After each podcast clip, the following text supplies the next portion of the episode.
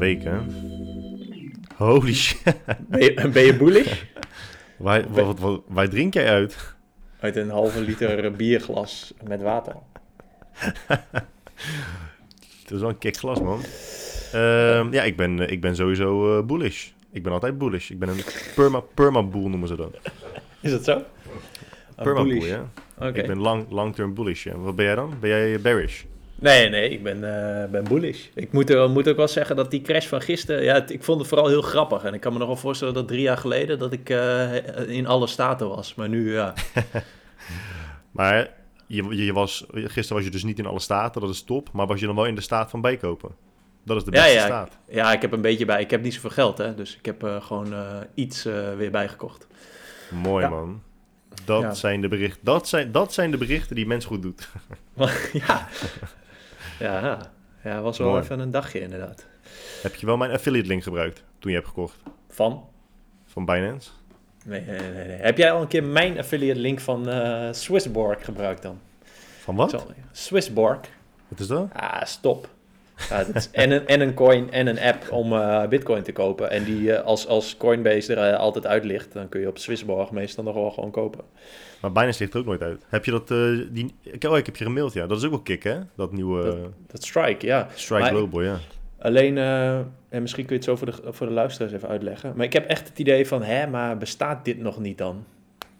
Nee, want het is op de Lightning Network van, van Bitcoin. Die wordt nog niet heel veel gebruikt. Eh, en dit is eh, in samenwerking met Visa. Dus het is eh, niet meer zo een of andere cracky crypto bedrijf. Maar het wordt gewoon de, de, de nieuwe digitale betalingsprovider waar, waar Visa ook mee gaat werken. En het is best wel tof. Ik weet niet of je die video hebt gezien van die maker. Ja. Die Ja, laat zien dat je geld kan streamen. Ja, kijk eens ja maar dat is wel echt, echt, een, echt een bitcoin bro, toch? Yo! Ja. Dat, je, dat je denkt, oh, ja, ik zit naar die gast van, van Breaking Bad te kijken. Zo'n dude Ja, ja, ja. Maar dat vind ik mooi. Ik vind het mooi dat de New Rich zijn dus allemaal van dat soort gasten. Die zitten lekker met hun hoodie. Not giving a fuck. En wij, Mhm. zijn, wij zijn nog gewend aan eh, de multimiljonairs en multimiljardairs die allemaal met eh, een dildo van 38 centimeter in hun reet rondloopt en een pak aan. Dat is, eh, ja, dat, dat zie je nu gewoon een stuk minder. Ja, dat zie je, ja, dat zie je Dat- gelukkig. Dat zie je niet, dat zie je niet meer zo heel veel. Nee. nee, ja, dat is wel mooi, ja. Maar wel, ja, het is dus toch ook Visa, dus dan is het toch nog steeds een, een bank die dat dan eh, gaat fixen. Eh, ja, ik, ik wil nu niet het gesprek eh, beginnen met banken en de toekomst van banken, omdat ik daar gewoon echt te weinig kaas van heb gereten. Maar dat is wel een, een interessant onderwerp en wel iets waar ik mezelf nog wil in gaan verdiepen in de komende tijd. Maar dat, dat de commerciële banken wel geleidelijk gaan, gaan verdwijnen. En dat is. heb-. Ik heb wel mijn aandelen Visa verkocht, eh, bedenk ik me opeens, laatst.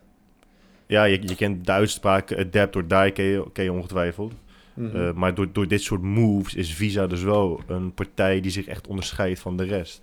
ja. Als je aandelen wil verkopen, zou ik eh, aandelen als eh, Rabobank en zo verkopen. Ja, ja ik, eh, ik begin een beetje een eh, aandelenportfolio op te bouwen. Maar ik vond eh, Visa een beetje saai dus, en ik had een beetje winst. dus ik dacht, eh, ik verkocht, verkoop het wel. En toen heb ik... eh, aandelen zijn saai als je in crypto zit. Nou, je hebt wel... eh, Ik heb bijvoorbeeld gekocht eh, Plug Power. Die knetter goed gaat. Echt 80% erbij. Wat is Plug Power dan? Ja, die doen in Elektrische wa- ja, waterstof. Dat, en waterstof inderdaad.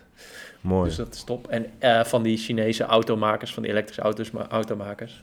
Xpeng en NIO. Dit gaat ook echt eh, als een tierenlier. Zo, worden we eventjes... Ja, en IO. De crypto Ja. NIO, blockchain. Nee, de Oh. Chi- Chinese automaker. En die noemt zichzelf ook NIO. Kan NIO, kunnen, kunnen Chinezen niks anders bedenken dan alles maar gewoon NIO noemen? ja, weet ik niet. Ik ken ook echt wel Chinese dingen die geen NIO heten. Maar volg je dan... eh, oh, ik, ja, ik niet, man. Maar volg je, volg je die... eh hoe heet die roze? Die, eh, die Indiër. Hoe heet die? Charmat? Nee. Die, eh, die top 5 Facebook. is een multimiljardair, jonge gozer. Investeerder Oh. ook. Nee, weet ik niet. Char, ik denk dat als je zijn... ehm, Ik volg wel Wall Street Bets op, op Reddit. Dat vind ik heel grappig. oh, maar god, dat is heel grappig. Nou ja, ik Shamat. volg. Hem moet je opzoeken. Oké. Ehm, dat schrijf je met een, eh, met een C? Dat schrijf je met 14 A's en 13 C's. Oké, ik ga nu, ik heb nu iets getypt. Ik ga even kijken hoeveel fouten ik in die naam heb. ik bedoel, Paliha... Pa- Paliha... Pitia. ik heb heel iets anders getypt, maar ik ben er wel gekomen. Chamat had ik goed. eh, Chamat had ik helemaal goed geschreven. Hij is sowieso een hele mooie baas. Eh, en ook een multimiljardair. Maar zijn, eh, hij is 44. Hij lijkt echt 14. En ik dacht dus ook echt dat hij mm, begin 30 was. Maar hij investeert dus heel veel ook in waterstofgerelateerde bedrijven. ehm, duurzaamheid. Oh, Ja. ik, hij tweette laatst iets over die bi- bitcoin. Oh ja, I, I will buy the Hamptons. Nou, fucking mooi. Mhm. Champions. ja, maar goed. eh, nou, we zijn er wel zo eh, ingedoken. En, ehm, Lekker man. Lekker ja, dat is, dat, is, dat is top. Dat is top. Gewoon twee benen gestrekt erin. Ja. Hadden, we- hadden we donaties de laatste week? Nee, hè? Oh ja, ik moet Oh. eventjes, kan, ik kan hem wel even uitzetten. hè. Ja, ik, eh, even kijken. We hadden volgens mij twee donaties, of weer echt heel zielig één donatie. Nou, het is echt treurig. Waarom? Ik hoor, ik hoor volgens mij jou nu ook anders dan dat ik je net hoorde. Oh, Maar eh, dat eh, kan ook aan mij liggen. Kan ook aan mijn oorschelp liggen. Ehm, Oké. Eh, even kijken. Ben je er nog, eh, Guy? Ja, ik ben er nog. Oh, oké. Ik zie jou op pauze staan. Oh, jij bent ook iets anders aan het doen. Nee, ik werd eh, even gebeld. Ik kan niet scrollen in mijn bank. Oh ja, ik kan wel scrollen in mijn bank-app. Oké. Ik kan me herinneren dat we een, een vraag binnenkregen. Ja, ja, hebben we ook zeker. Oké. Dit is de vraag van Max. En dat is niet de Max. Niet Max Vries. Nee, Max vraagt H. Een hele specifieke vraag over luchtvaart. Dus die kan jij straks even beantwoorden. H. Voor december 2021 kocht ik een retourticket. Kopenhagen, Lissabon, Kaapstad voor 379 euro. Nou, mooi, mooi, eh, mooi deal gedaan. Punten sparen blijft lastig. Ik, het leek bij Lufthansa het beste. Is het nou handig om zoveel mogelijk punten van vluchten bij Star Alliance bij Lufthansa te parkeren? Ik heb je boeken bijgepakt, maar het blijft toch lastig. Oké. Nou. Ehm, Oké, ik, wil- ik wil eigenlijk het antwoord geven wat ook voor de rest van de luisteraars eh, handig is. Ehm, Ik kan geen antwoord geven, maar dat begrijp ik. Oké, als je, er zijn drie grote luchtvaartallianties. Als je niet zo heel veel vliegt en je punten wil, eh, wel punten wil sparen, dan is het het slimst om dan je punten bij, het, de, bij steeds dus hetzelfde programma te sparen. Omdat je dan het snelst een stapeltje punten hebt waar je wat mee kan. Dus Terwijl je snel geval, punten krijgt vaak als je, als je een, een, een, een lidmaatschap start, toch ook? Dat hoor ik jou vaak zeggen. Ja, soms krijg je dan een, een beetje bonuspunten. Dus in dit geval is het wel handig om ze dan inderdaad bij Lufthansa, bij het programma van Lufthansa te sparen. En dan je volgende vlucht met Starlines weer daar te sparen. En dan volgende weer en volgende weer. Dat doe ik ook. Ja. Van die drie allianties heb ik gewoon drie programma's waar ik het bij spaar. Dus dat is het antwoord eigenlijk. Wel een leuke vraag. En eh, bedankt voor de, voor de Oh donatie ja, natuurlijk. absoluut Max. Eh, heel sympathiek. Dankjewel En, eh, Max. en sowieso mag ook wel eens gezegd worden dat het. Ik vind het echt heel vet dat mensen gewoon dat boekje kopen, dat dan gaan lezen, en dan echt ook een voordelig ticket kopen, dan ook punten gaan sparen en zo. Ja, dat is, dat is echt master. Een soort van het enthousiasme wat ik heb geprobeerd met mijn hele enthousiaste hoofd in, in mijn boek te leggen, dat het, dat het daadwerkelijk overkomt op iemand. Dat vind ik echt, dat is echt nice. Fijn. Ja, ik- elke keer als ik het eh, jou hoor beschrijven en, en dan denk ik, jezus, het is echt, het is zoveel extra werk, maar het loont wel echt heel vaak. Ja, het is, het is gewoon een, eh, een, even een stapje en daarna gaat het vanzelf. Want daarna kun je het niet meer niet doen, zeg maar. Als je het eenmaal weet, dan denk je van ja, ik ga niet... Als je eenmaal weet hoe je punten moet sparen en dat je het moet sparen, omdat je dan maar... Ja, eh, je verdient altijd bij iedere vlucht wel voor een paar euro of een paar tientjes zelfs aan, eh, aan punten. Ja, dan is het voor mijn gevoel heb je altijd zo fucking veel punten nodig om er iets uit te halen. Ja, dat verschilt een beetje. En het is echt wel zo dat je... Het is een beetje hetzelfde als met... eh, wa- waar ik heel laat ben achtergekomen met... met hoe heet dat? Ja, gewoon beleggen eigenlijk. Dat in het begin, Ja. ja, je krijgt, ja, het rendement is echt kut. Maar als je het gewoon heel lang vasthoudt, ja, dan is het rendement echt heel lekker. Waarschijnlijk Ja, meestal. En dat is met die punten ook wel zo. Ja, in het begin heb je... De, misschien duurt het twee jaar voordat je er wat aan hebt. Of misschien zelfs drie jaar. Maar ja, over drie jaar leef je nog steeds. Maar ook Dus voor mensen die één keer per, jaar reizen. Of moet je wel een bepaalde frequentie van reizen aanhouden? Wil je er iets aan hebben? Nou ja, vanaf één jaar ligt een beetje aan wat, hoeveel, hoeveel reizen en hoe lang je, hoe ver die zijn, zeg maar, en met welke airline. Maar ja, ik zou het sowieso altijd doen. Omdat je, ja, je weet natuurlijk ook niet of je in de toekomst vaak gaat reizen. En je hebt, ook ook- geen, eh, je hebt ook nooit dat, dat de punten vervallen na x aantal jaren. Ja, sommige airlines doen dat nog wel. Maar meestal is het, de- is het je kunt ze dan weer verlengen door eh, te vliegen binnen een jaar met die airline of zo. Of met een Ja, airline, die groep. Dus eh, ja, in dit geval, ik vind het dus heel vaak zo van, ja, doe, doe het dan maar gewoon voor de zekerheid. En eh, ja, en als je dan niet, niet een ticket ermee kan kopen, dan kun je er wel een of andere paspoorthouder of een, eh of een CD-ROM van kopen. USB-stick. Mooi Ja. man. Ja, dus eh, ja, top. Ja, dat vind ik, eh, vind ik mooi. Nou, dat was de enige we- donatie, man. Wat? Ja, nee, ik wilde zeggen, we hebben echt eh, behoorlijk wat staan. Het was best een, eh, een, eh, een bijzondere week. Een benoemenswaardige week zo. Ik weet niet welke, welke wat jij hebt staan in de... Nou, niet alleen wat ik heb staan, maar gewoon los van, los van wat wij hebben staan.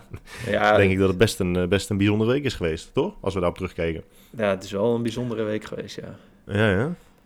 Ja, Want eh, ja, zullen we het maar gewoon netjes gaan aflopen? Want ja. Het, is, Ja, het is heel veel. We beginnen, met, we beginnen met Rick Pastoor. Wie is Rick Pastoor? Want ik, ik ken Rick Pastoor niet. Misschien moet je dat eens uitleggen.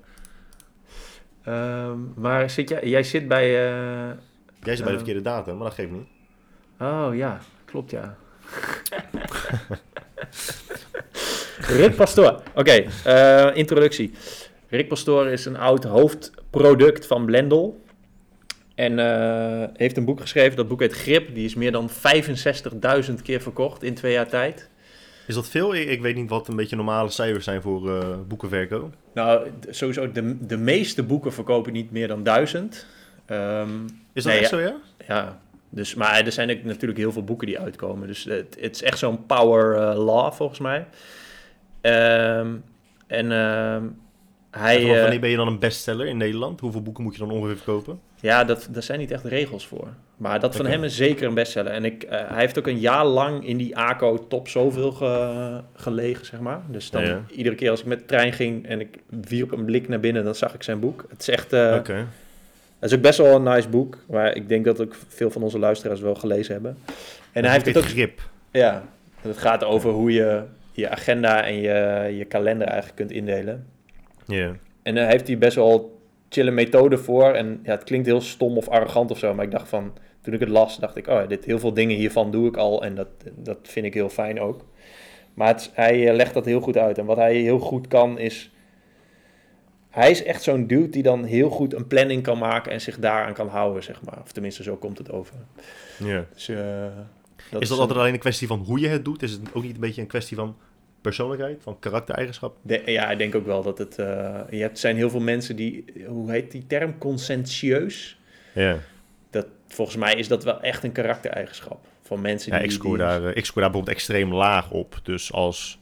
ehm, dus A, ik, ik plan meestal al niet. En B, als, als ik dan van een planning af moet wijken, vind ik dat ook eh, niet erg. Maar zo zijn er inderdaad heel veel mensen die hoog scoren op conscientiousness.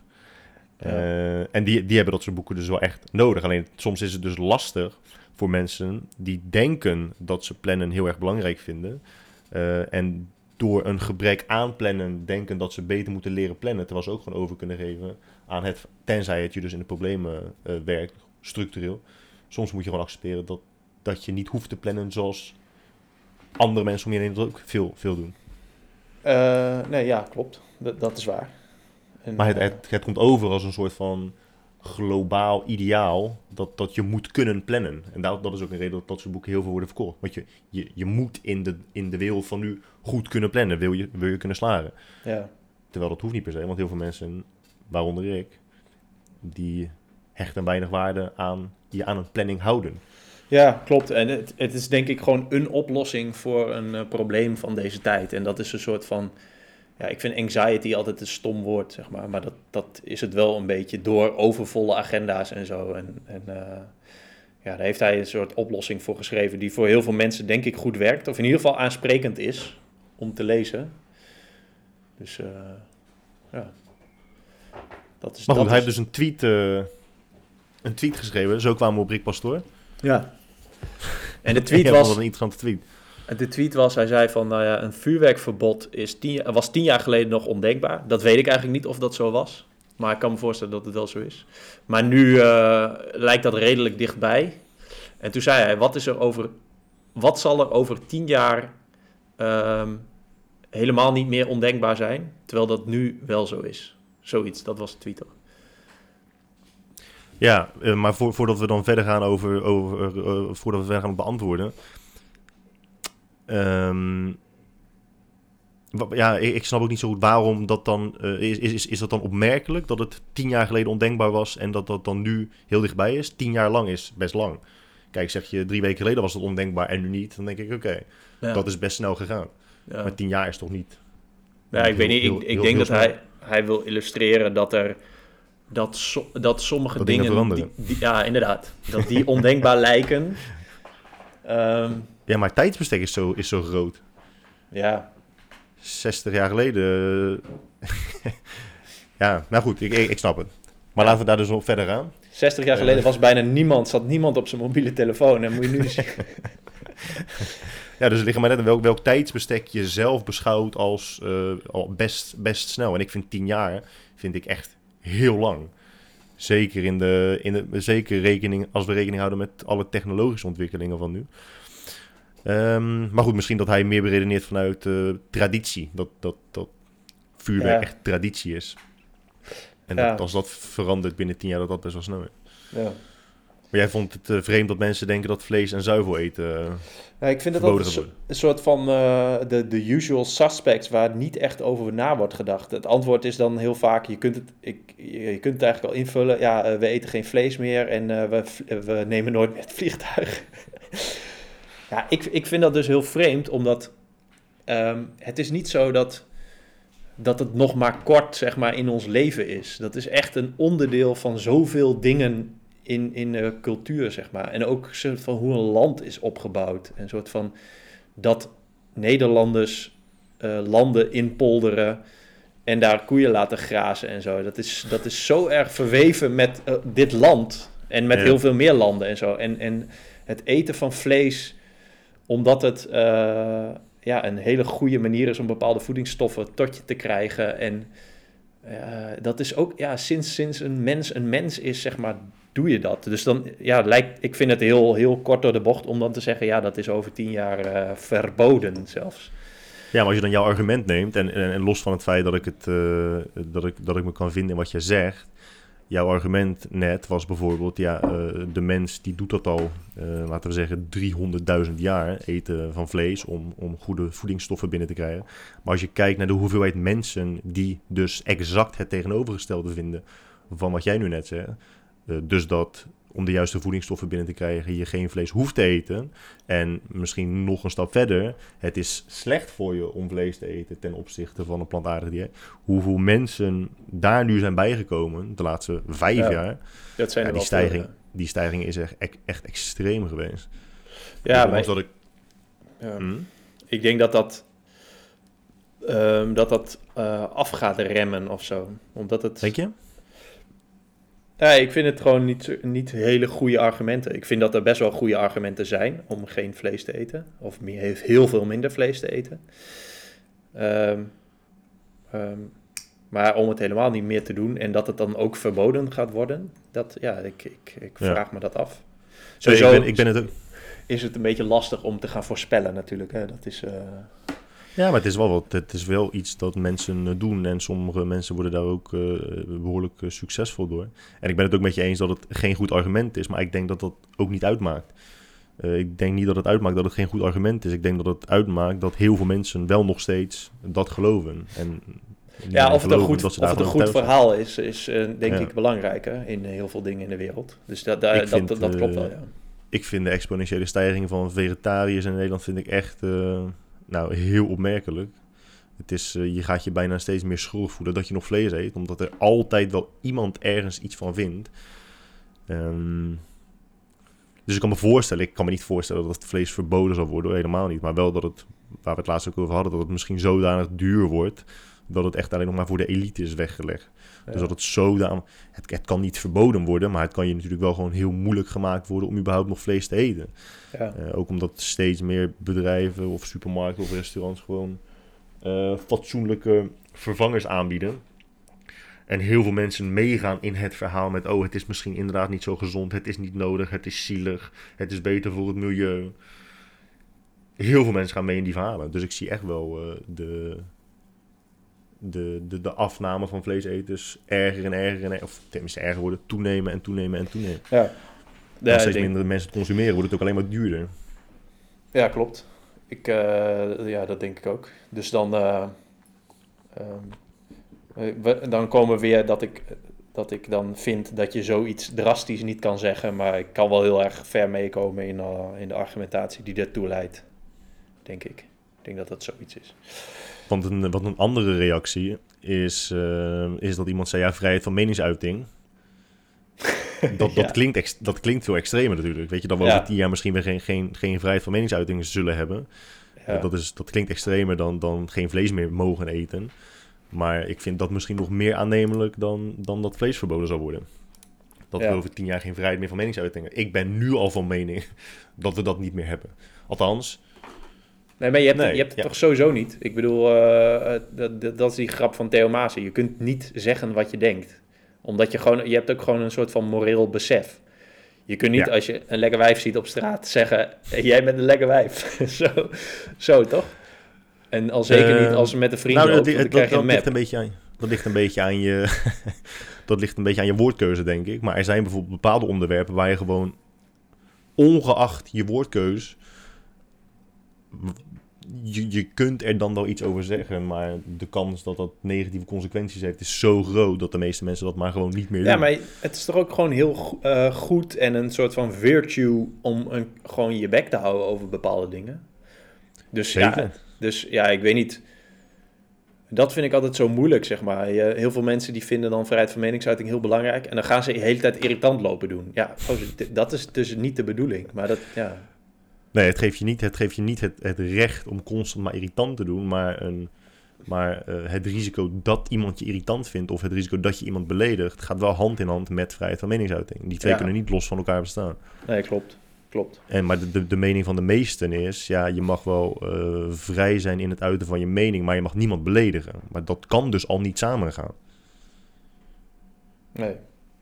Nee, Had je dat artikel gelezen dat ik had eh, geplaatst? Nee, want eh, ik zit... eh, ik op de verkeerde datum. ja, dude, ik heb hierboven... Ik heb hierboven 17 januari neergezet. Ja. En welke datum is het vandaag? Ja, 12. En 17 is ook helemaal niet de opnamedatum. Dus eh, nee, ik heb het artikel niet gelezen. Maar uit de kop kan ik er iets aan afleiden. Maar dat is misschien niet... niet dus je vertel maar over het artikel wat je hebt. Nou, het is, het is ironisch dat je dat zegt, want dat is dus een van zijn punten. Eh, ik, zal het heel, ik zal het kort houden hoor. Misschien kunnen we dit in de, show, in de show notes die we niet hebben plaatsen. Maar ik vond het wel een, een, sterk, een sterk artikel uit 2014 al. En dat is de... de, de eh, ja, ik weet niet wie het is. Rob Wijnberg. De oprichter van de correspondent, volgens mij. Ja. Nou, hoe dan ook, hij schreef dus in 2014 al dat hij het idee heeft dat we naar een tijd gaan waarin alle context dus volledig eh, is verdwenen. Nou, dat, dat is ook zo, dat klopt. Ja. En dat we uiteindelijk onszelf gaan beperken tot berichten als, ehm, als ehm, eh, ergens is er iets aan de hand en er wordt wat van gevonden. Dat, dat zie je nu ook al een beetje, hè? want toen hij dit in 2014 schreef, was er dus een, een artikel in de NRC Next. En het artikel was, eh, of de, de, de kop luidde, ophef op Twitter. En dat was het gewoon. Dat was op, ophef op Twitter. Dat was het nieuws. Eh ja, ja, die, die kan gisteren is Twitter ontploft. Ja. Ja. En, en dat is nu eh, waar we naartoe gaan. Dus wat je net ook toevallig zei. Ik, heb, eh, ik lees de kop. En eh, het is misschien niet goed als ik daar dan conclusies aan, aan verbind. Maar dat is wel hoe de meeste mensen tot, informatie tot zich nemen. Ze zijn, je bent zo beperkt in wat je kunt lezen en op welke manier het wordt overgebracht. Ehm, dat, dat context gewoon compleet, compleet, compleet verloren gaat. Ja, Ehm, maar heel veel dingen hebben toch ook helemaal geen betekenis. Omdat, zonder die, context. omdat die context er niet meer is. Ja, en hij, en hij geeft dus echt hele mooie voorbeelden ook in, eh, in, zijn, in zijn artikel, ook, ook waar hij zelf tegenaan is gelopen. Ehm, het punt dat ik daarmee wilde maken, ehm, is eh, dat als context verloren gaat en je, en je bent zo extreem beperkt tot de manier waarop je je eh, informatie de wereld in kan of zelfs moet zenden, je, er is niet eens meer ruimte voor je mening ook. Dat, dat, dat, dat is er ook gewoon niet meer. Je kunt niet iets eindeloos nuanceren. Bijvoorbeeld als je naar Twitter kijkt en toevallig doen ze op Twitter nu wel berichten onderverdelen onder 20 verschillende berichten. Maar tot voor kort was je gewoon, was je gewoon beperkt tot je 140 karakters, toch? En daarin Ja. moest je maar gaan vertellen wat jij, eh, wat jij vond. En mensen hebben ook alleen nog maar, de, tenminste steeds meer behoefte aan eh, informatie verwerken op die manier. De meeste mensen lezen geen krantenartikelen meer van eh 3000 woorden. Nee. Dus hoe kun je überhaupt nog je mening geven als, als alles zo, eh, zo kort en krachtig moet zijn? Ehm, Wat, wat, vind, je dat, dat, wat vind je van dat eh, ding is geband dan van Twitter? Trump? ja, ik heb heel vaak zoiets... eh, ik heb hierover nagedacht, want ik wist dat we het hierover gingen hebben. En ik wil het eh, verplaatsen naar KLM. ja, ik ben gewoon dus heel vaak heel irritant tegen KLM op Twitter. En ik denk heel vaak van, ja, maar waarom kan KLM mij niet gewoon weigeren? Zeg maar van, oh, Jelmer de Boer wil een ticket boeken. Nee, opgedonderd, irritante vent. We willen hem niet aan boord. We zijn gewoon een bedrijf en wij weigeren jou. We willen- Dat kan toch gewoon? En dat is met Twitter en Trump net zo. Dat van, ja, gozer, eh, rot nou maar even op, zeg maar, met je, met je irritante geblaad. Het, het is toch gewoon een bedrijf? Maar het probleem, kijk, de nuance is dit. Twitter is gewoon te groot, of maakt mensen te groot, of te- heeft eh, een te groot eh, effect, dat, het, dat je dat ook weer niet zo kan zeggen. Kijk, KLM kan mij, kan mij gewoon weigeren, omdat ik wel met een ander vliegtuig kan vliegen. Ja. Maar ja, Twitter, eh, Trump had 88 miljoen volgers. Ja. En eh, dat was, dit was eigenlijk vier jaar lang en daarvoor ook al zijn manier om eh, nieuws te delen of in contact te zijn met zijn, met zijn aanhang en de wereld. Ja, dan, dan het, het probleem is gewoon dat Twitter te groot is geworden om dit te kunnen doen. Dus ja, ik, ik weet er niet echt goed een antwoord op. Het is te complex, denk ik. Ze hebben natuurlijk niet eh, alleen maar ehm, hem het zwijgen opgelegd op hun platform. Want je kunt inderdaad zeggen, ja, het is een bedrijf, het is een privébedrijf. Ze zouden mogen doen wat ze willen, dat klopt. Er zijn andere opties mogelijk voor eh, de beste man. Ehm, maar het is, het is niet beperkt tot hem alleen maar het zwijgen opleggen. Ze hebben ook alles, alles verwijderd wat hij ooit heeft geplaatst op Twitter. Dat is ook best wel veel, hè? Dus iemand Ah, ja. wordt gewoon... iemand wordt gewoon erased Gewist, ja. ja. gewist. En eh, ik, vond het, eh, ik vond het best interessant. Ik heb daar te weinig over gelezen hoor. Maar ja, er was dat, dat, dat schandaal met, ehm, met Joe en Hunter Biden. Heb je dat meegekregen? Ja, een beetje zijdelings. Ja, dat, dat, dat, dat eh, Hunter Biden schijnt dus iets gedaan te hebben. Eh, bepaald, eh, bepaalde zaken gedaan te hebben die niet helemaal kosher zijn geweest. Daar heeft zijn vader ook gewoon van geprofiteerd. Eh, maar terwijl de, de verkiezingen bezig waren, zijn er dus meerdere social media platforms geweest die hebben gezegd: dit nieuws mag niet geplaatst worden door eh, nieuwszenders. Dat is dus gewoon geband. En toen hebben ze gezegd: ja, dat, dat willen we niet, want dat beïnvloedt de verkiezingen. Maar het niet laten plaatsen beïnvloedt ook gewoon de, de verkiezingen. Ja, precies. Dus, dus of je nu pro of, of anti-Trump of Biden bent, dat, dat doet er ook niet zo toe. Het is gewoon, ehm, ja, je- dat soort dingen, dat, daar, daar, daar heb je het vaak alleen maar over als je, als je kijkt naar, communis, naar het communisme, als je kijkt naar, ehm, naar, naar, naar, naar China of naar de, naar de Sovjet-Unie. Daar denk je minder over na als het gaat om Amerika of, of zelfs Europa. Ja. Maar ook hier zie je dat echt wel gewoon nu duidelijk terugkomen. En ik denk dat eh, iemand bannen als Trump en trouwens ook zijn hele administration, dat dat eh, niet, ja, ja ik, ik zie dat niet positief aflopen. Heel veel mensen zijn nu ook van Twitter af. Hè? Ja, ik, het is volgens, ja, ik weet niet zo goed wat. eh, het is gewoon allebei kut, zeg maar. Als hij gewoon nog steeds shit kan blijven tweeten. Ja, het, is niet allemaal eh, even. ehm, even netjes wat hij tweet. Ja, en hem helemaal verwijderen. Ja, volgens, dat, dat werkt natuurlijk ook niet echt eh, goed of zo. Want Rob Wijnberg, de Rob Wijnberg, had getweet van dit is, dit is mijn voorspelling. Trump gaat vier jaar lang een eigen media-platform oprichten. Met eh, online en eh, video en misschien radio. En, eh, en jaar lang leugens over Biden de wereld in helpen. En dan in 2024 weer meedoen aan de presidentsverkiezingen. En ik, en ik Ja. hoop dat ik niet gelijk krijg. Dat had hij getweet, Rob Wijnberg. Ja. Ik, ja, dat, dat zou ook best wel eens kunnen. Volgens mij, ja, ik, ik weet niet, als je het hebt over polarisatie, dan is het juist ehm, eh, extra vuur voor een polarisatie, toch? Verzuiling, een soort van nie- eh, nieuwe platform voor mensen die eh, ehm, ja, op die manier denken.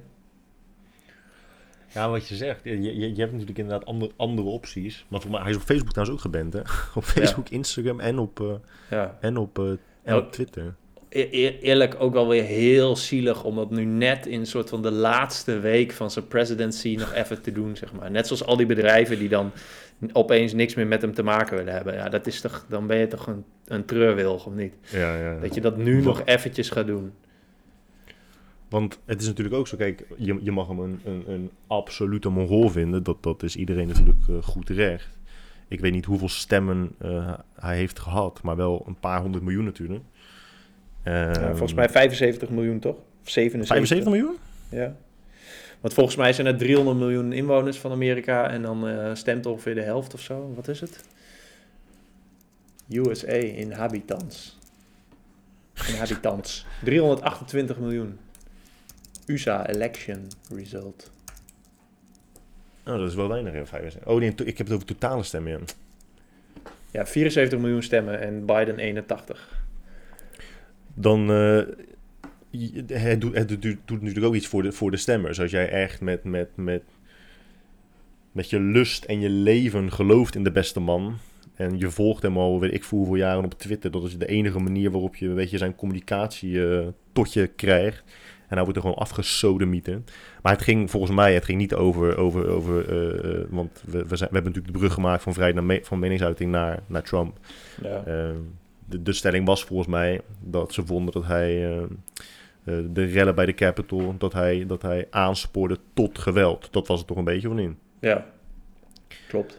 Ik, ik weet niet wat hij heeft getweet. Dat kun je dus ook niet zien. Dus het is heel moeilijk om te zeggen, hij had gelijk of had ongelijk. Of, of, of, of eh, hoe heet die gozer? De eigenaar van Jack.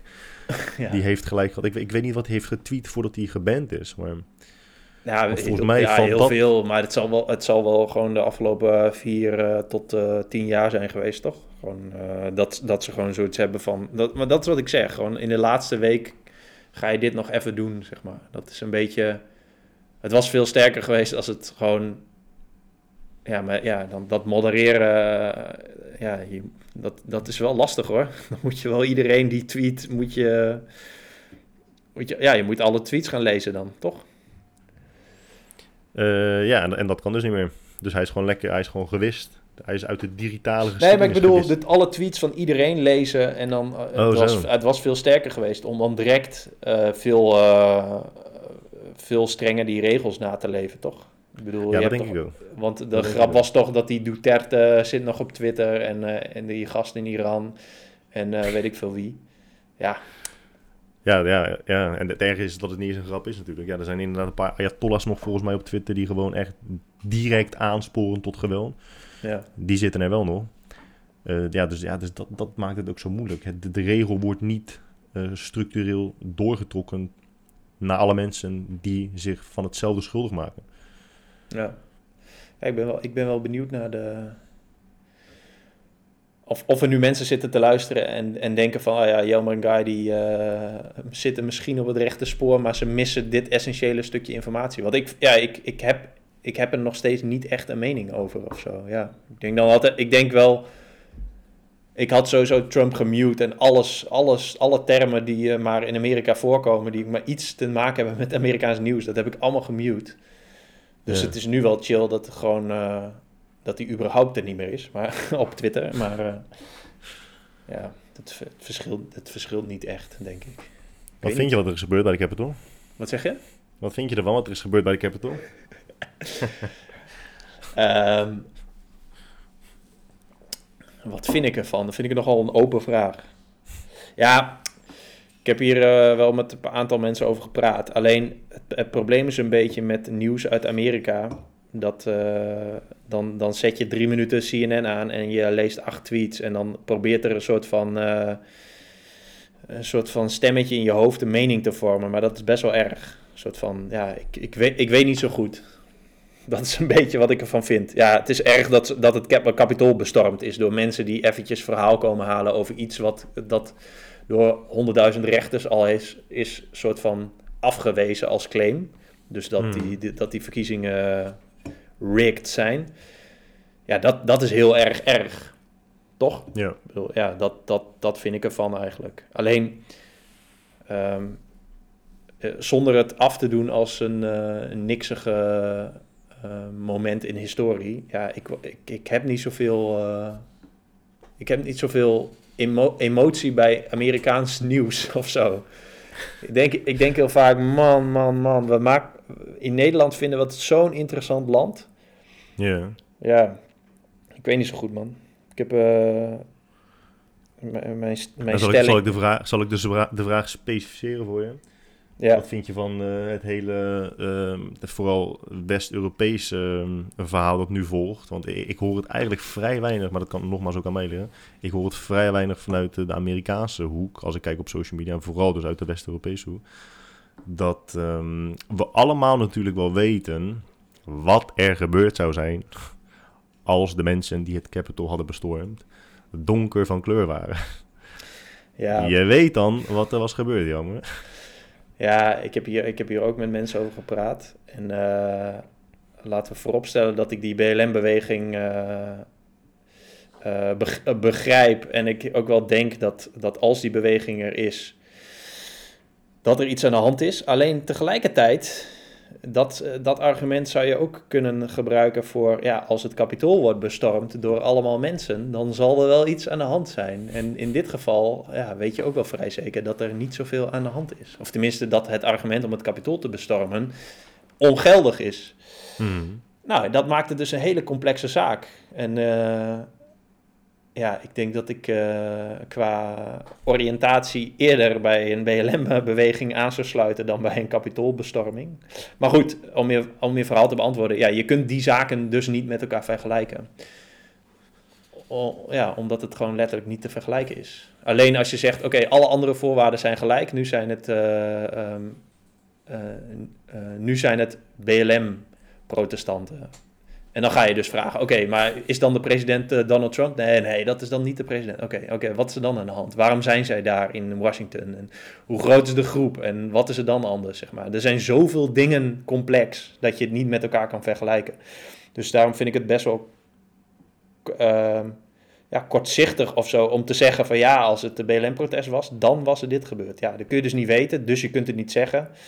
Eh, het is allemaal hypothetisch en het, het is volgens mij ook helemaal niet handig om die discussie zo te voeren. Je kunt het toch gewoon zo afkeuren, zonder een vergelijk te trekken. Wat vind jij? Nou, ik vind dat een heel sterk standpunt. En ik vind het jammer dat eh, inderdaad niet meer mensen daar zo, eh, zo naar kijken. Het is ook... ehm, je creëert ook gewoon... Je creëert ook een soort van, van afkeer voor de beweging... als je nu maar vanaf nu tot in, weet ik veel, tot wanneer... alle situaties die je dan inderdaad zou... hypothetisch zou kunnen vergelijken...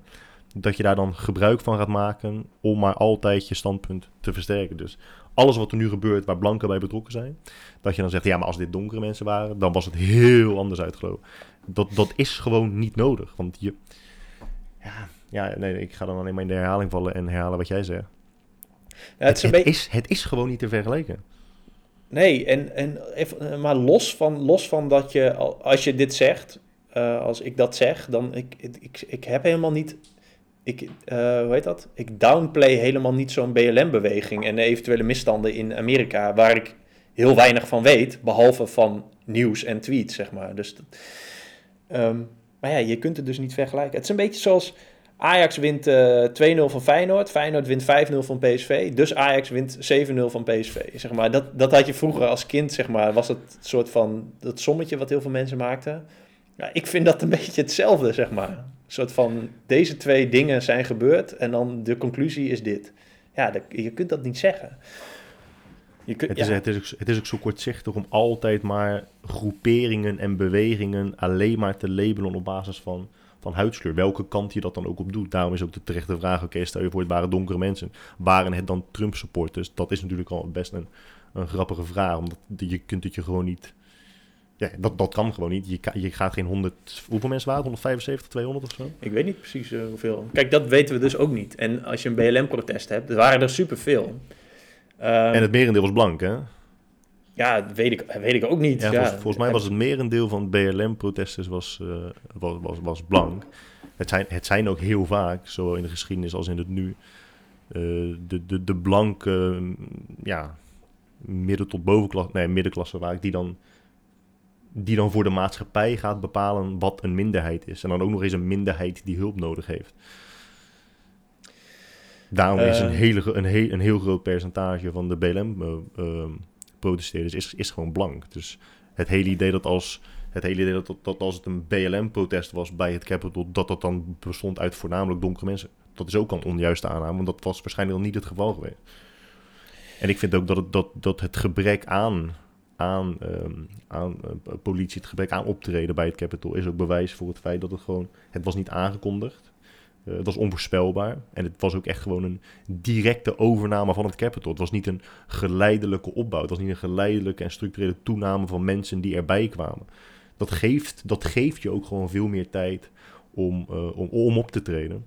En dat, dat was hier gewoon niet. En dan als je dan een vrouw ziet die gewoon zonder te blikken of blozen dood wordt geschoten. Voor mij zijn er vijf mensen uiteindelijk overleden. Voor mij 60 agenten zijn gewond geraakt je hebt het dan echt niet over een, hele, een heel vredelievend protest. Het is echt niet dat ze allemaal met de zachte hand eh, zijn verwelkomd.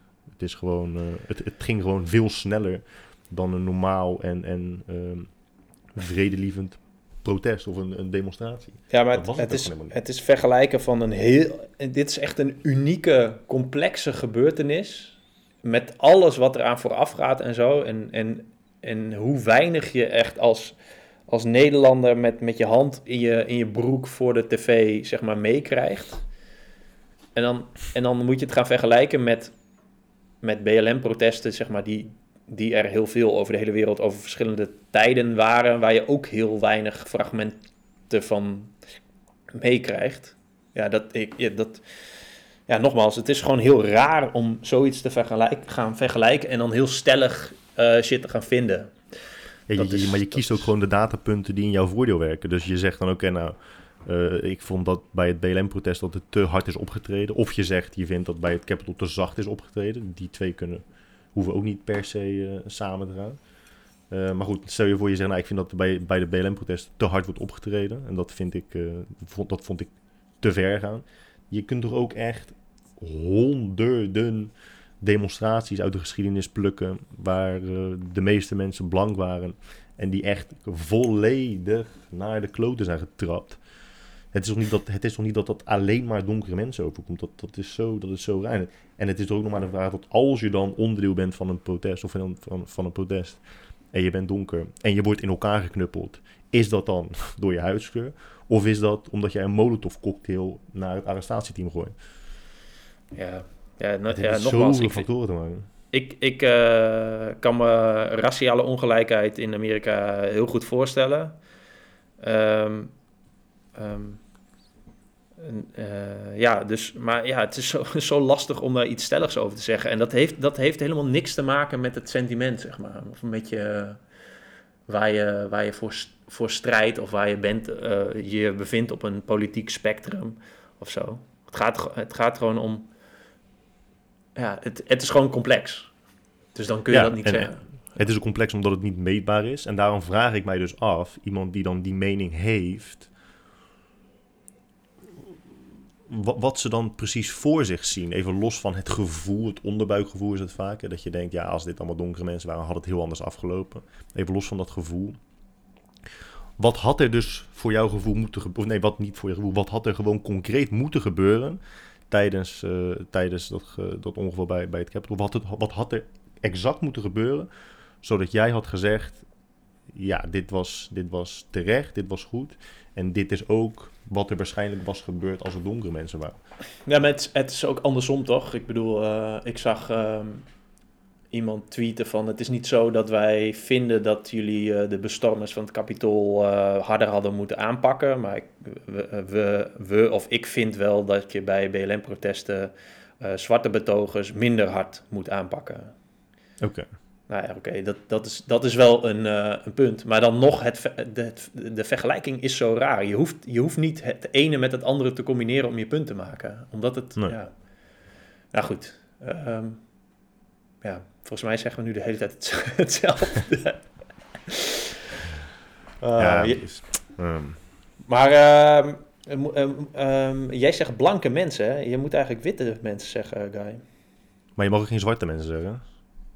Jawel, je mag toch, je, eh, het is toch wit en zwart, zeg maar. Maar dus je mag ook geen blank meer zeggen. Is dat tegenwoordig? Maar mag ik, mag ik als blanke niet bepalen of voor mezelf bepalen wat, eh, hoe ik aangesproken wil worden? Nou, het, idee, het idee is dat zeg maar blank de connotatie heeft van schoon en rein. Oh, maar En wit ja, niet. Nee. Ja, we Eh, gaan. En, en NOS, ja. en het NOS doet dat bijvoorbeeld en legt dat op die manier uit. En die moet dus iedere keer als ze zeggen eh, witte mensen, puntje, puntje, puntje. Dan moet zij iedere keer in de, in de comments uitleggen aan mensen die zeggen, zeg gewoon blank.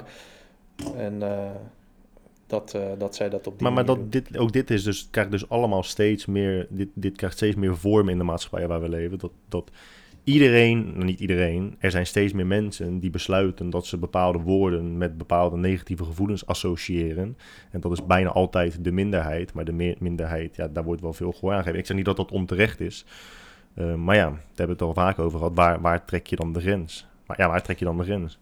Nou, ik vind Iemand- het... Ik, dus Ik, eh, ik snap de uitleg wel en het is het eh, veranderen van een woord. Dus eh, dat is natuurlijk prima. En volgens mij hoef ik er ook niet zo heel veel over te vinden. Maar ja, wat het is natuurlijk nog wel weer een andere discussie die we misschien nog wel een keer kunnen voeren. En waar John, onze vriend John Verveke het vaak over heeft. Ja, je hebt, je hebt een woord of een ding en je hebt de betekenis ervan. En dat is voor iedereen anders. Dus je, ja, daar kun je niet regels over, over maken. Een nee, soort van wat, wat en iets dat is wel een betekent. Dat is wat ik volgens mij in de vorige podcast zei. Hebben we het ook over gehad en over eh, Jordan Peterson, zeg maar. Ja, je kunt met je middelvingers omhoog door de stad lopen en met je, met je wijsvingers omhoog door de stad. En het effect is heel anders, maar het is allebei een vinger, zeg maar. Dus dan, ja. Ja. Het Ja, is- maar dat- dan, dan, het, het verschil nog met een woord is, ja, eh, eh, eh, iemand, iemand de middelvinger opsteken, dat, dat, is, dat heeft ook weinig andere verklaringen. Ja, ja, dat is waar, ja. Ja. Je zou nog kunnen zeggen, ik laat iemand mijn middelvinger zien om, eh, te, om, om te beoordelen of mijn nagel goed is geveld. Dat zou je nog wel, dat zou nog wel kunnen zeggen. Eh, maar dat, dat is heel ver gezocht.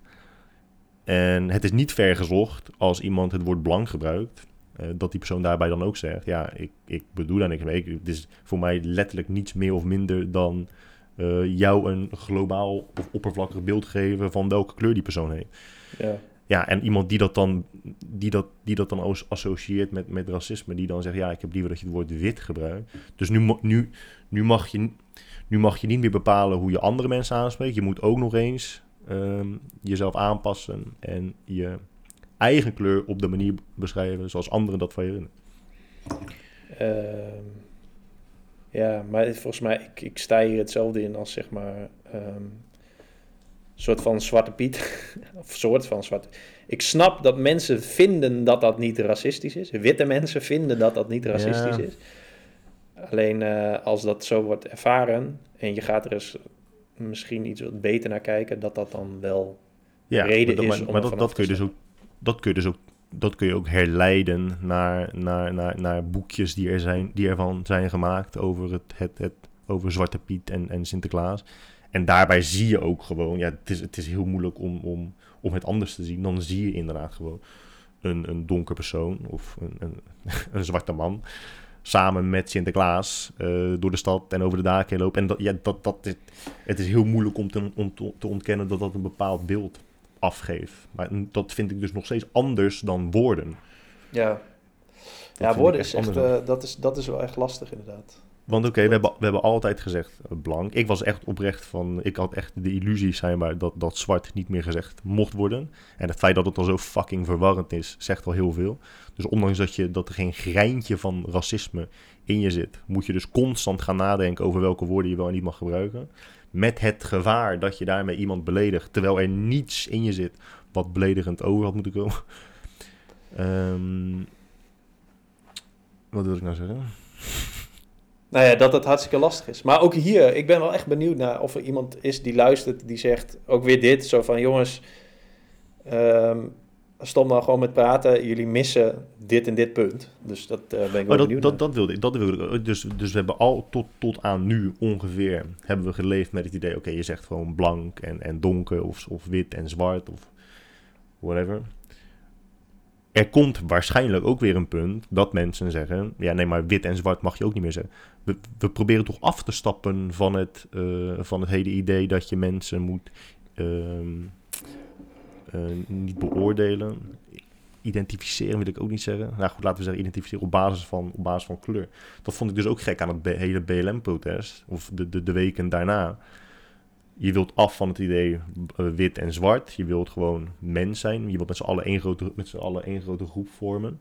Maar dan ontstaan er dus websites zoals uh, waar je dus black businesses kunt vinden. Dus dat je allemaal bedrijven ziet in Rotterdam die dan van uh, zwarte mensen zijn. Ik vind zwarte mensen nog steeds raar klinken, want ik zeg gewoon donkere mensen die dan van donkere mensen zijn. Dat, dan creëer je toch juist datgene wat je niet wilt. Of zie ik dat dan weer verkeerd? Ja, dit, dat, die, dat idee heb ik ook. Maar dat is, is ongetwijfeld. ik denk ook dat hier een goede reden voor is. Maar ja, dat, uh... ja, dat, ja, de reden is dat mensen positieve discriminatie als een soort uh, antagonist van discriminatie zien. En die denken dat je dus discrimina discriminatie teniet doet, of in ieder geval compenseert voor. Zij zeggen: kijk, er worden heel veel donkere mensen benadeeld in de stad. Uh, want heel veel mensen, schijnbaar, ik, ik ken ze niet, maar die gaan niet naar uh, een zaak omdat ze weten dat het van een donker persoon is. Terwijl 98% van iedereen in Rotterdam gewoon alleen maar heel de dag Surinaamse broodjes vreet. En 1% eet misschien stampot. Maar goed, dat is Die gaan daar niet heen. Dus om daarvoor te compenseren maken wij een lijst met zaken die dus van donkere mensen zijn. Want dan krijgen zij meer business en dan compenseren we voor het racisme. Dat is een beetje hoe ze beredeneren. Ja, dat, ik, ik uh, ben ook nog op zoek naar het antwoord, wat, antwoord daarop, zeg maar. Want wat je het klinkt als een soort som. Een soort van dat je, dat je dichter bij nul komt, of zo. Bij een soort ja. van neutraal iets. Alleen... Ja, dat, dat, dat mij, is ook de beredenatie. De ja, dus, dus er wordt een heel exact, exacte benadering voor een heel um, ja, sociaal probleem of zo geponeerd. Ja, de, volgens mij, ja, ik denk ook dat die kloof dan... Uh, um, dat, er, dat er meer een kloof komt. Maar ja, goed. Misschien is het wel even handig om, om, om te benoemen voor de luisteraar. Dat wij allebei uh, erkennen en weten dat racisme bestaat en ook wel degelijk een probleem is. Ja. Alleen als ik dan nu weer voor mezelf spreek, is ik, ik begrijp niet A hoe je het kunt kwantificeren. Dus hoe je überhaupt kunt meten of weten uh, dat het beter wordt. Hoe, hoe meet je dat? Dat er steeds minder racisten zijn in de wereld? Ja, dat, ik vind dat ook lastig. Een soort van, ik zou ook heel graag willen dat het, dat, het, dat het zo makkelijk is.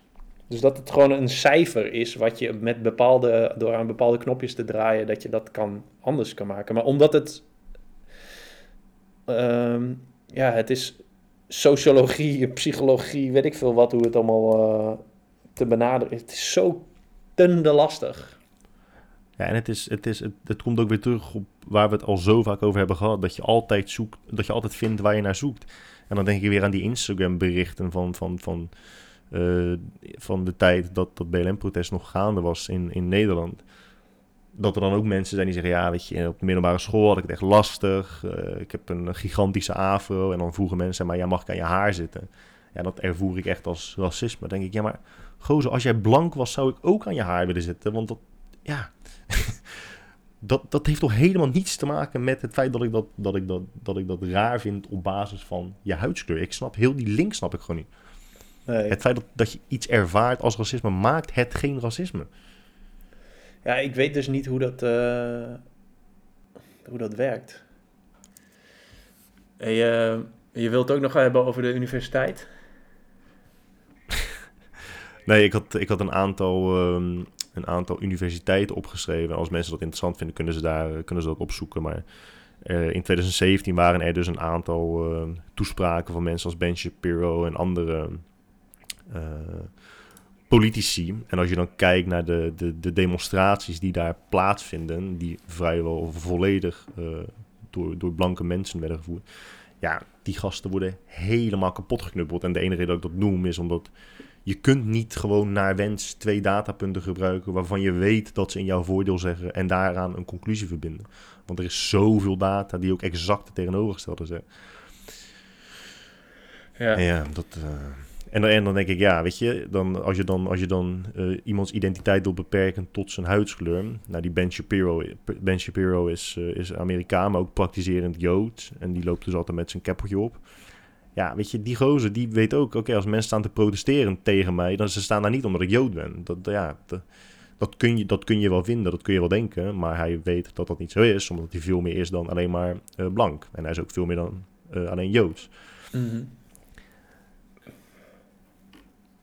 Ja, weet je, daar kan je eindeloos over lullen, over, over, over labels en voorkeur. In Amerika gaat het veel verder nog. En in, in Amerika hebben, zijn ze, proberen ze uh, onbewuste voorkeur proberen ze te verminderen. Dat je, ze zeggen dus dat mensen, eh, werkgevers, et cetera, hebben een onbewuste voorkeur voor bijvoorbeeld blanken. Dus het is, het is niet eens een bewuste voorkeur, het is een onbewuste voorkeur. En daar strijden ze tegen ja, hoe, hoe, kan je, hoe, kan je, hoe kan je nou iemands voorkeur wegnemen als, die, als je weet dat die voorkeur onbewust is? Ik vind het, ik vind echt een, een, een soort van. Ehm, die, die, ik wil weten waar dat vandaan komt, zeg maar. De, de, niet, niet antiracisme, want dat, dat snap ik wel. Maar gewoon de, de wens dat alles en iedereen uh, gelijk is. Um, ja, ik denk dat het ook heel erg komt door mensen uh, hebben, hebben vaak niet het idee hoe sterk ze gewoon als individu zijn. En die, die, die, ja, je weet hoe het is. Je wilt graag iets of iemand de schuld geven. En het is heel makkelijk om iets de schuld te geven waar je mee bent geboren. Ja. Want, weet je, oké, dan, dan, dan, je wil alleen blank en zo, of wit en zwart. Wil je, je wil alleen tussen die twee kenmerken onderscheiden. Uh, en dat er is white privilege. Hè? Dus, dus alle, alle white people hebben privilege. Maar hoe zit dat dan onderling? Ik bedoel, als, als, als, als, een, als een Pool en een Australiër komen solliciteren, krijgen zij dan exact, hebben, zij dan, hebben mensen dan dezelfde voorkeur voor beide? Alleen maar omdat ze blank zijn? Of zit daar, zit daar nog, omdat ze wit zijn? Of zit daar nog onderscheid tussen? Of een, of een homoseksuele Nederlander en een heteroseksuele Nederlander? Of een, uh, een homoseksuele man of een heteroseksuele vrouw. Weet je, tussen alles wordt onderscheid gemaakt. Het gaat zo, zoveel dieper dan, ja, ben je wit of ben je zwart? Ja, dus, dus het... Uh... Maar is het dan niet gewoon het... Nou ja, dat is ook lastig. Ik bedoel, het is nooit af natuurlijk. Want ehm, eh, je maakt altijd onderscheid en je, ma je hebt shortcuts in je hoofd. Omdat dat gewoon, dat is makkelijker om, uh, ja, om te leven, zeg maar. Je, je moet hmm. generaliseren in je leven, anders word je knettergek. Dan ontploft je hoofd. Um, maar dat, maar jij, jij, brengt dit punt alsof dat voor de hand liggend is. Hè? Maar de meesten, uh, dus, nou, ik wil niet zeggen dat ze dat niet snappen, maar leven niet met dat idee. De meeste mensen zijn, zijn, zijn zeer anti-labelen, zijn anti-generaliseren. En hebben zelf vaak niet eens door dat ze dat zelf ook doen en ook moeten doen. Omdat je inderdaad, zoals je zelf zegt, anders gek wordt. Maar ik denk niet dat de meeste mensen begrijpen waarom dat nodig is en waarom ze dat zelf ook fout doen. Um, Oké. Maar ja, maar ja, maar dat maakt het dus ook zo lastig. Want, want ja, tuurlijk, uh, jij en ik. Het, het zou toch echt vet zijn als je in een, in een wereld leeft waar um, uh, raciale verschillen. dat, dat, dat, helemaal, of dat het helemaal niet een issue is. Ja, maar, maar stel, stel, je voor dat is geen issue of er wordt geen issue van gemaakt. Dan zijn er nog steeds zoveel onderlinge verschillen. Ja, precies. Waardoor jij uiteindelijk benauwd kan ja, worden. Ja, maar het punt is dus, ja, het is dus nooit af. Daarom is het ook... Nee. Daarom is het zo... Het is een eindeloos spel. Ja, maar het is zo lastig strijden, zeg maar. Je wil wel strijden, maar oké, wat is dan het doel? Wat is dan het eindpunt? Of is er geen eindpunt? En moet je altijd blijven strijden? Want dan, dat, dat is ook prima. Dat is een beetje live, zeg maar. Dat je altijd probeert het beter te maken, maar ja. Ik denk dat er een soort van, een soort van utopische gedachte, in, gedachte is dat mensen denken: oké, ik wil nooit meer benadeeld worden op basis van mijn huidskleur. Nou ja, dat nogmaals, dat is lastig te meten. Want als jij het gevoel hebt dat je benadeeld wordt op basis van je huidskleur, kan het ook zijn dat je benadeeld wordt door, of vanwege je seksuele voorkeur, vanwege je inkomen, vanwege je uh, maatschappelijke. Het, kan echt, het kan echt van alles zijn. Uh, dus tenzij jij in een situatie belandt, bijvoorbeeld een sollicitatie, waarbij uh, je exact hetzelfde bent als alle anderen, dat je alleen dan het gevoel hebt dat er eerlijk wordt gekeken naar jouw kunnen, ja, dan, dan, dan wordt het leven echt een, eh, een hel voor. Want dat is gewoon niet realistisch. Ja. Ah, lastig man.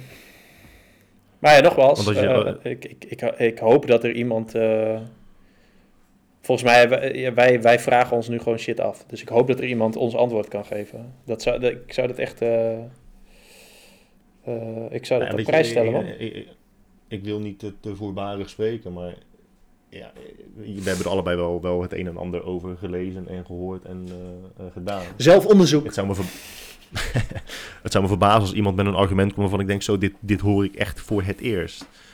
Nou ja, het, Ehm, het, kan, het kan natuurlijk wel. Of, of dat het een, zeker. een, een zijweg is die we nog niet hebben geprobeerd.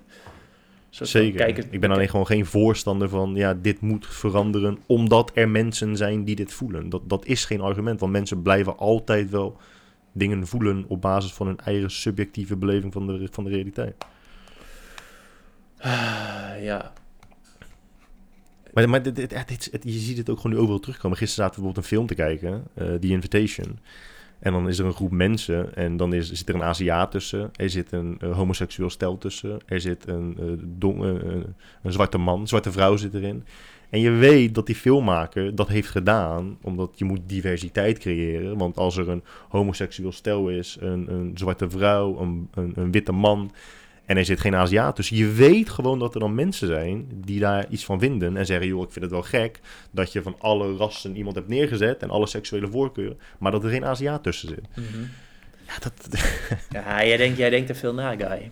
Jij denkt dat jij, Dat zo- zal het jij zijn, zoekt ja. dingen die er niet zijn. Nee, ja, dat is, dat is misschien. eh, ja, het is. Ja, het is gewoon lastig.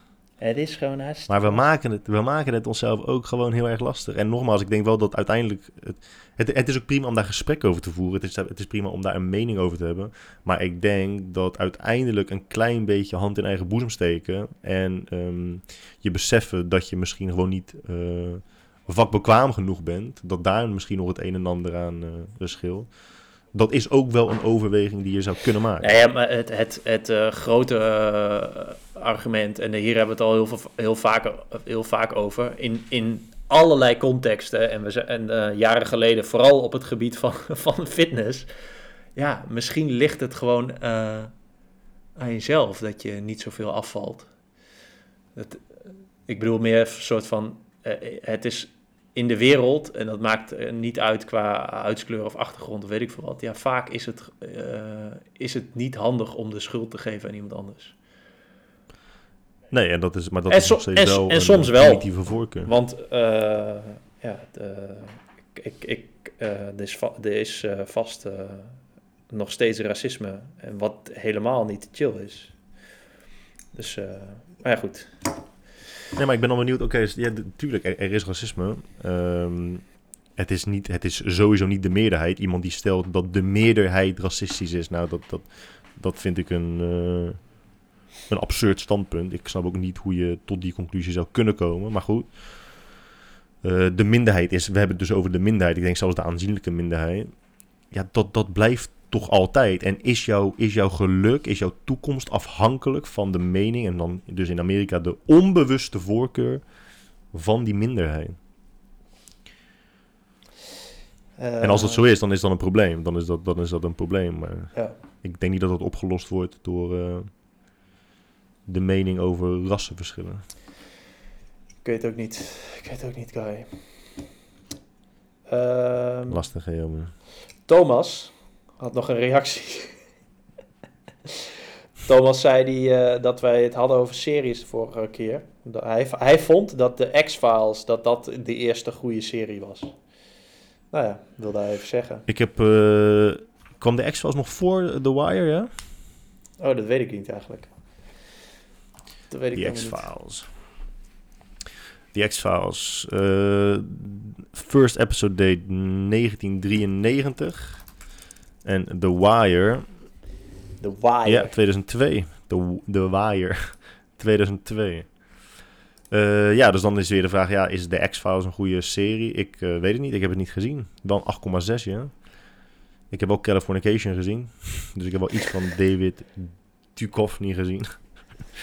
Maar het is niet, eh, niet te vergelijken met elkaar. Maar goed, het is wel een goed punt van Thomas. Welke Thomas was dat dan? Thomas Kos. Wie is dat? Ja, dat is diegene die vrienden met jou wil zijn. Maar ik heb inmiddels zo vaak gevraagd wie is Thomas, dat ik, ik denk dat hij van mening is dat we toch geen goede vrienden zouden zijn. Nee. Als, als jullie vrienden waren en hij kwam bij jou aan de deur, dan zei hij van, sorry, maar wie ben, wie ben jij? Goed zo. Ja, ik ben die vriend van jou. Hij is een vriend jou, toch? Ja, ja, ja. Maar je op drie na beste vriend of zo. Ja, zoiets. Ja. Ah, misschien, eh, misschien wel. Acht. Misschien Acht. zit, staat hij wel hoger, hoor. is wel echt een goede vriend. Ja? Shout-out Thomas. Hoe lang ken je hem al dan? Eh, meer dan 20 jaar. Ja, Hoe oud ben je eigenlijk? 34 toch? 34, ja. Hmm. Ja, tweede klas middelbare school was ik 12. Dus dan, eh, ja. Echt een gruwelijke gok van mij. Ja, dat is sowieso nice.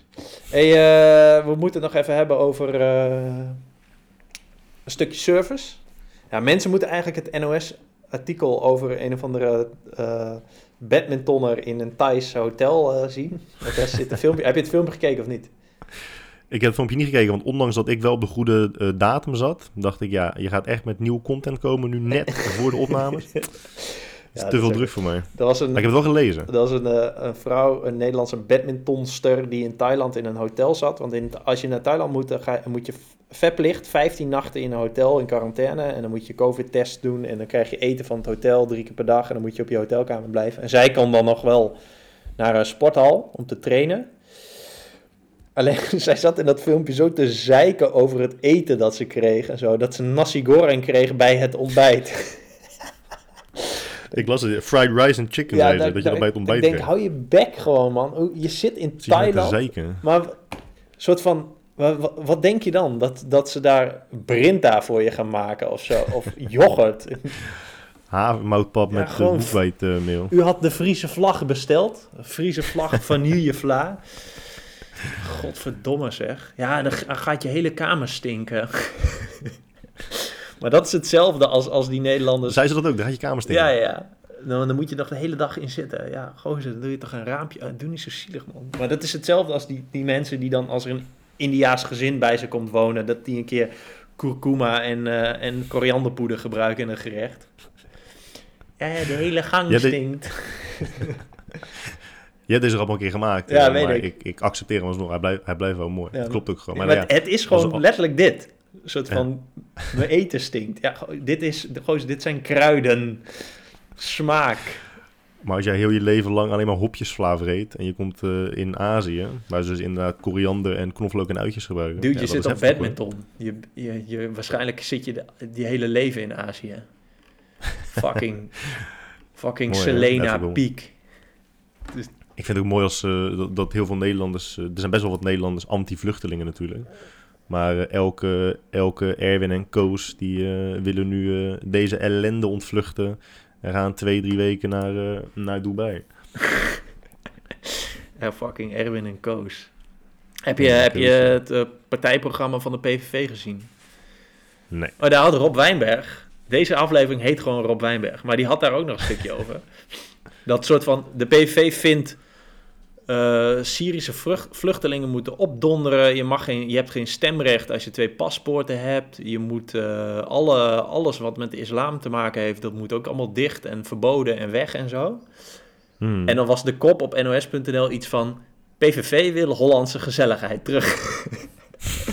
maar Rob Wijnbergs punt was... een soort van, hoe kun je...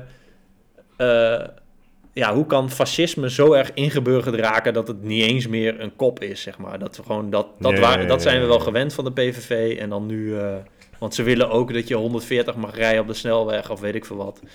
En eh, tradities en... eh, geld naar de zorgmedewerkers. Dus ja, de rest, dat wordt allemaal niet besproken. En dan, ja, ik vond het wel grappig hoor. Dat, is, dat, vind, ik, dat vind ik best wel ernstig. Dat dat nog steeds zo wordt geaccepteerd. Ik vind het ernstig dat, dat Rob Wijnberg schijnbaar zo bekend is... dat jij hem nu al deze aflevering 14 keer hebt genoemd. En ik dus laatst voor het eerst een artikel van hem heb gelezen. Ja, hij is wel, eh, is wel een bekende dude. Rob Weinberg is filosoof. Een Nederlands filosoof. Maar hij heeft ook een paar boekjes gemaakt, die ik trouwens niet heb gelezen. Maar eh, ja, Nou, zo leren we elke dag iets. ja, Rob Wijnberg. Ik ben hem ook maar gelijk gaan volgen op Twitter. Ja, ik, eh, ik volg hem ook. Ik heb namelijk een eh, meme-account op Twitter en daar volg ik hem mee. Nou, niet een Ja, meme-account. te veel waar je mee, mee, mee bezig moet houden op dagelijkse basis. Het is heel moeilijk om, om te filteren wat je wilt binnenkrijgen elke dag, van wie, op welke manier. Het is gewoon te veel. Zeker als je interesses best wel Ik ben wel benieuwd nou breed zijn. hoe Rob Wijnberg dat doet. Want hij is natuurlijk, hij is natuurlijk hoofdredacteur van de correspondent. Wat als soort van doel heeft voorbij de waan van de dag artikelen te posten. Ja. Ehm, dus ze, ze pakken dan een soort van grotere onderwerpen. Nou ja, daarom heb jij dus ook een artikel uit 2014 eh, in de show notes gezet van de correspondent. Maar ik weet, ook, ik weet ook oprecht niet hoe ik op dat artikel ben gekomen. We hadden het erover en ik googelde iets en dat was de eerste kop of zo. Dat heel... Jij googelde eerste- gewoon, eerste iedereen, iedereen vindt altijd wel iets. iets. nou, ik weet niet hoe ik erbij kwam. Ja, zo, dat is wel Ik mooi. eh, weet het echt niet. Ja. Maar goed, eh, hij, hij is denk ik iemand die, die in die rol zo goed mogelijk. ehm, misschien kan hij het wel uitleggen, zeg maar. Of die vergelijking tussen BLM en Capitol, of die terecht is. Ik ga. Maar het, is, eh, het, is, het, is, het, ja, het, is, het, het ligt aan de maatstaven waarmee je wilt werken, toch? Ja, Want het blijft hoe dan ook een hypothetische discussie. ja, En, het, en, en de uitspraak, ja, maar je weet het toch. Iedereen weet het. Hetzelfde als dat, als, dat, dat- als dat iemand tegen je zegt, maar je weet toch dat je moet ontbijten, jongen. Dat weet iedereen toch. dat hoort je toch. Dat hoor je toch al jaren. dat is de belangrijkste Ja. maaltijd van de dag. Hè? Is de maar, ja. Ik heb, ik heb vanochtend Ja. ontbeten met van die hele, hele kleine witte chocolade. Ja, het waren een soort blaadjes. Een soort van plakjes. Witte chocolade. Een soort bonbonnetjes. Ah, dat was zo lekker. Oh, die Jenny vond wel. Waar heb je het over? Hoe kom je daar nou opeens bij? Ja, we hebben het toch over ontbijt. Ik ben aan het vrij associëren. Oh, Ja, ik, ik eet geen fried rice met chicken zoals Selena Peak in een Thais hotel. dan gaat je kamer Ja, meuren. dan gaat je kamer stinken. dat moet je niet hebben. Misschien moeten we eh, Rob Wijnberg als eh, eerste gast hebben hier. Ja, maar die gaat, die gaat nooit komen. Dat is echt een populaire dude. Rob Weinberg.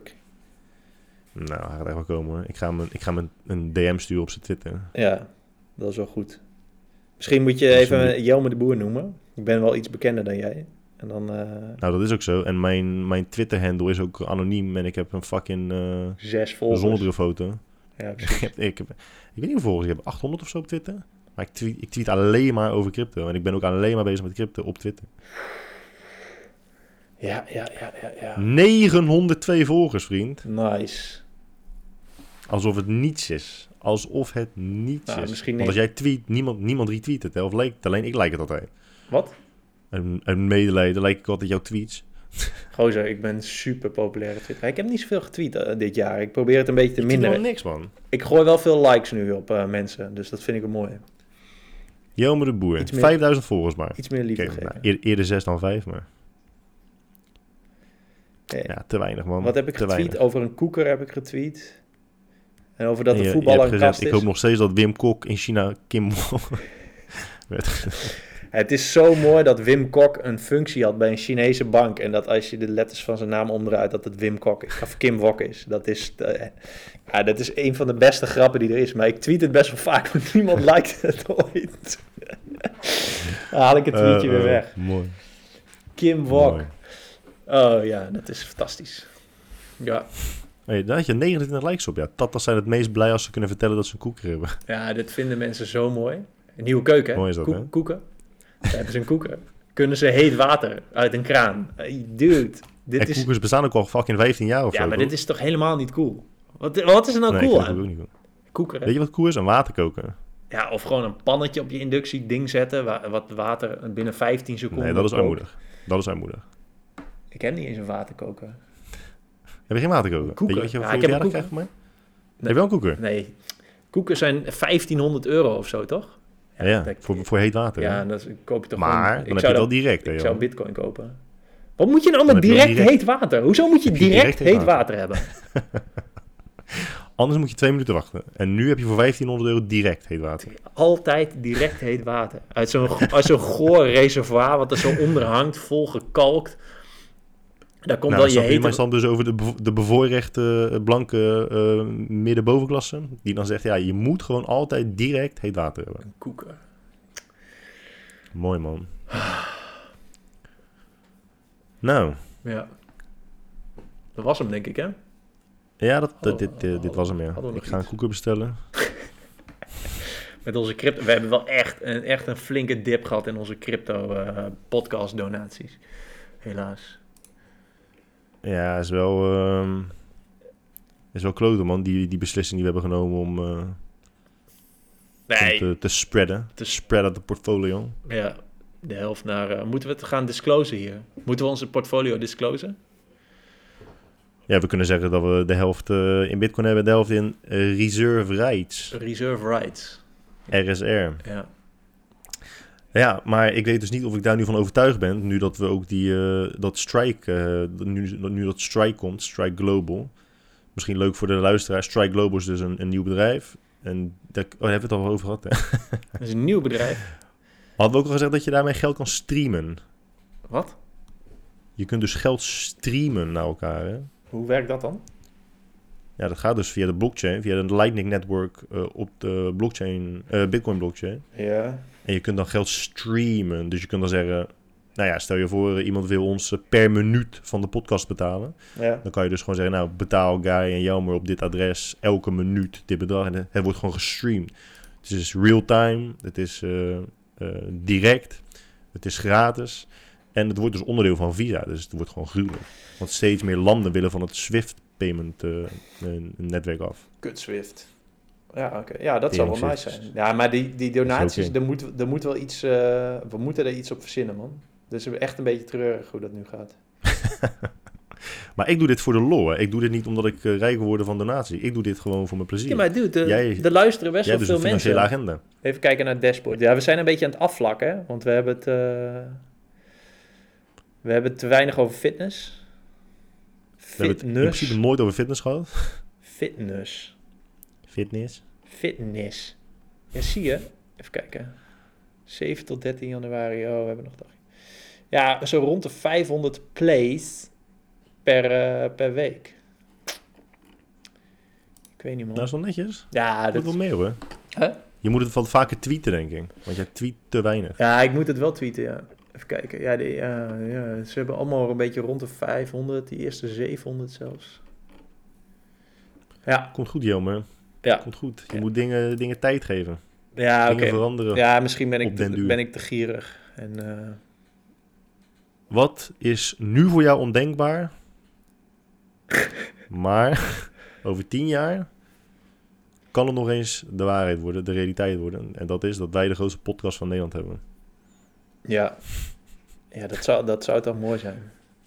En dan is het, weet je wie dan de hoofdrolspelers zijn in de po- podcast? Guy Droog en Rob Wijnberg. Ja, ja, dat zou mooi zijn. Rob Wijnberg, maar die moet dan, die moet dan iedere, want dan, gaan, dan wordt hij dagelijks natuurlijk. Dan komt hij iedere week eh, duiden. De wereld Nee, nee. duiden. Nee, nee, nee. Dan is eh, Guy Droog, Rob Wijnberg elke dag. En dan komt elke week één keer Jammer de Boer. Ja, komt hij over zijn planten vertellen. Dan kun je, kun je één keer in de week kun je kortingscode geven voor je autonomieboek. Ja, precies. Die is dan wel af, toch? Over tien jaar? Ja, waarschijnlijk wel. Met de voorwoord van Rob Wijnberg.